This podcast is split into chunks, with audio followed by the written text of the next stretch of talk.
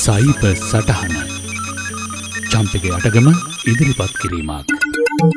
October මාසේ අන්තර්ජාල ආරක්ෂණය සයිව සෙකිරටි සම්බන්ධව ඉතා වැදගත් මාසයක්.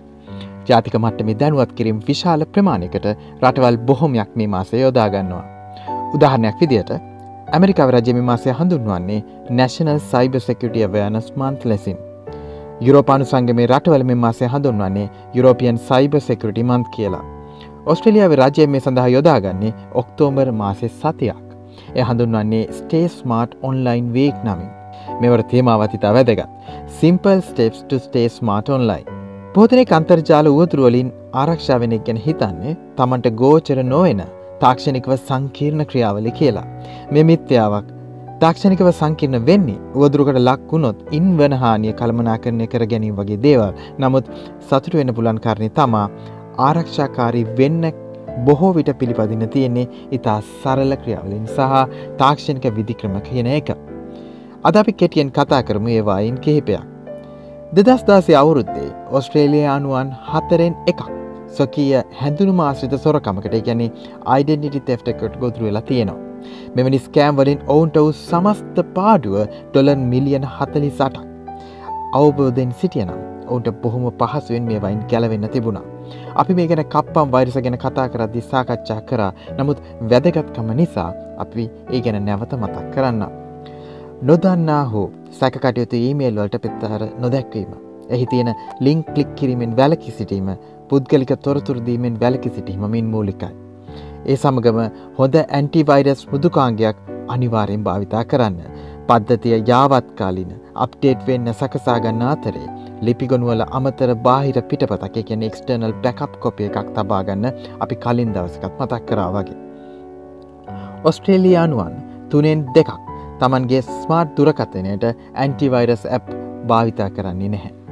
එනිසා නැවතත් අවධාරණය කරන්නේ ඔබේ පුද්ගලික තොරතුරු සියල්ල යන එන තැන පවා ගබඩාවෙන ජංගම දුරකතනයේ ආරක්ෂාව ගැන ඉතා සැලකිලිමත් වෙන්න ඕනේ.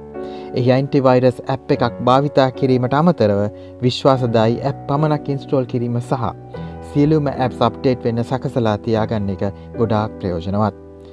ඔබේ පාස්වඩ් එක ගෙදර දොර වගේ නමුත් අපි ගොඩාක් වෙලාවට පුරුදු වෙලා ඉන්නවා එක්කම ඉතා සරල පාස්වඩ් එකක් හැම තැනකටම පාවිච්චි කරන්න.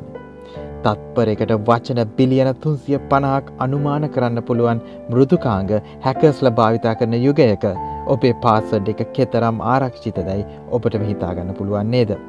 පාස්වඩ් මතක තියාගන්න වෙනින් නැතුව ඉතා පහසුවෙන් පාස්වඩ් මැනේජ එකක් කරහාමය කරන ආකාරය වෙනම සයිබස්ථානකින් ඉදිරියදි කතා කරමු. ෆේස්බුක් වගේ සමාජ්ජල භාවිතා කරදී දන්න අය පමණක් මිතුරන් විදියට එකතු කරගන්නත්. එකතු කරන පුද්ගලික තොරතුරු මොනවද එවත් දකින්න පුළුවන් අයි ප්‍රයිවස් සටිං අරා සීම කරන්නත් වග බලා ගන්න. අනෙක් වැදගත්ම කාරණය පුළුවන් හැම් වෙලාම 2ෆක්ට ඔතෙන්ටිකේෂන් යොදාගන්න. එකන පාස්වඩ එකට අමතරව ජංගම දුරකතයට එන කෝඩ් එකකි. එන්ට කරන්න වෙනවා තමන් සාමාන්‍යයෙන් භාවිතා නොකරන ස්ථානයකින් හරි උපකරණයකින් හරි ගිනුමට සම්බන්ධ වෙන්න නම්. පොදු ස්ථානවල තියෙන පරිගණක හෝ පොදු අන්තර්ජාල සම්බන්ධ වෙන කෙන පබ්ලික් වයිෆයි හොට්ස්පොට් භාවිතා කිරීමේදී ඔන්ලයින් බැංකු කටයුතු ප්‍රඩිට් කාඩ් ගෙවීම් වගේ කටයුතුලින් වැලකී.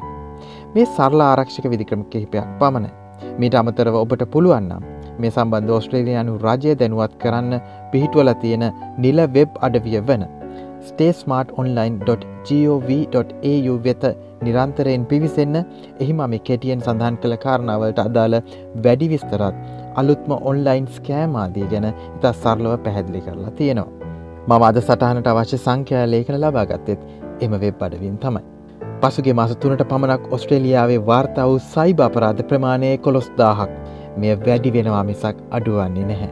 අපි ඉදිරි සයිබ වැඩස්ටාන් වලින් තවත් මේ ගැන සවිස්තරෝ කතා කරමු. අද ඔබට සයිබ සටහන ගෙනාමම චම්පික යටගම්.